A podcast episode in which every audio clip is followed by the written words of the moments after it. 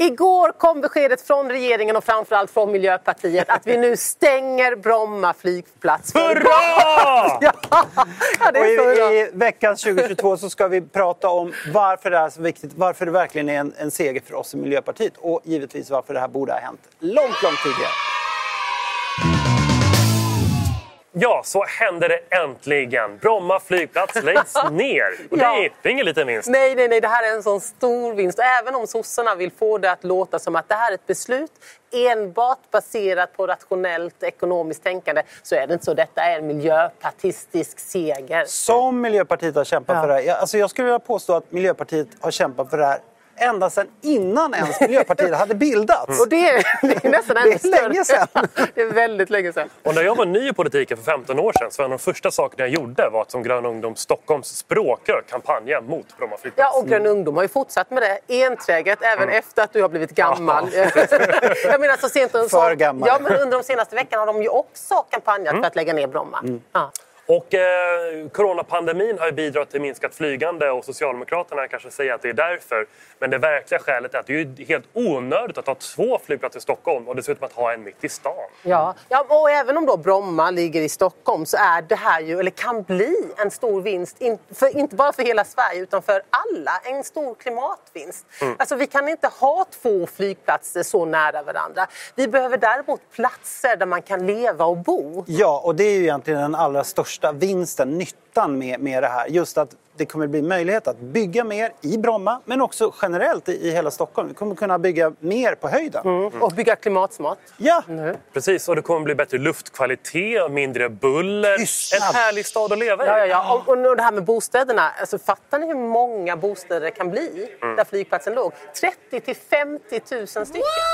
och ändå i ett område där det också går att bevara grönområden och, och, och skog. Men då kanske vän av ordning nu undrar om det här verkligen är en klimatvinst. Så vad bra att du betonade att det kan vara det. Mm, det kan bli det. Precis, så det beror lite grann på vad vi gör med Arlanda. För att om vi lägger ner Bromma flygplats men all trafiken skulle flytta till Arlanda, då blir det ju såklart ingen klimatvinst. Nej. Men det vi ska komma ihåg är att Bromma flygplats är en utpräglad inrikesflygplats. Att någon från kanske Skåne eller, eller Norrland flyger till Stockholm över dagen. Och på de restiderna, alltså på morgonen och kvällen, så är det i dagsläget mer eller mindre fullt på Arlanda. Så för att den trafiken ska kunna flytta till Arlanda, då måste vi bygga ut Arlanda. Det ska vi inte. Exakt, så om vi lyckas stoppa uh, utbyggnaden av Arlanda, då blir det en klimatvinst Ja. att vi lägger ner Bromma flygplats. Ja, men precis. Och ett, ett så här konkret exempel det kan ju vara styrelseordförande Göran, kan vi kalla honom, som brukar då flyga in från en liten ort till Bromma för att det är så härligt att komma nästan mi- mitt i city. Landa in i stan. Ja, bullra lite och bullra lite. sprida ut lite grejer över alla bostäder där. Han kan ju inte göra det längre nu eftersom vi lägger ner Bromma. Och då kan det ju vara så att Göran faktiskt tänker att tåget är ju det klimatsmarta och bästa alternativet för att komma rätt in i smeten. Och spara tid. Ja, massor av tid. Ja. Precis. Ja. Och det blir också som så att, att konkurrensen på Arlanda skulle bli hårdare om start och landningstiderna. Vilket då skulle kunna leda till att biljettpriserna går upp. Och det blir dyrare att flyga, då kommer ju färre att flyga. Så då minskar Precis, inte minst lågprisflyget borde ju påverkas på den marginalen. Mm. Exakt. Ja, och det finns så många flygplatser runt om i hela Europa som är olönsamma. Eller hur? Så att Ja. det finns otroligt mycket att göra här. Här har vi ett verktyg. Jag menar, att stänga Bromma handlar verkligen inte enbart om Sverige.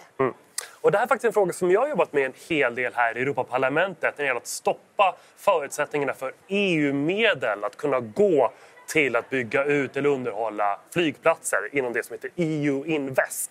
Där har vi gröna arbetat för att inte EU-medel ska gå till flygplatser. Men om vi backar några år, 2014 när Miljöpartiet för första gången kom in i regering så blev ju Miljöpartiet ganska hånade för att vi då drev Bromma ska bort.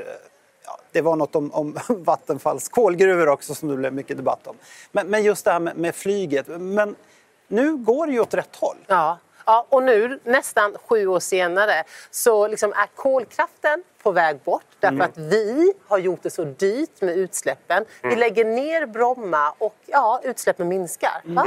Trägen vinner. Precis, så lärdomen är ju att det kan ibland ta lång tid att skapa radikal grön förändring. Men vi vinner till slut. Ja, Och att politik gör skillnad. Eller hur? Om man står Och, pall. och inte minst att vi behöver ha långsiktiga mål. Ja. Det är ju det vi har i Miljöpartiet medan de andra partierna ofta försöker hitta någon lösning här och där och nu. Ja. Och nu är det slut. Vi ses om en vecka. Det gör vi. Glöm inte att prenumerera. Hej då! hej.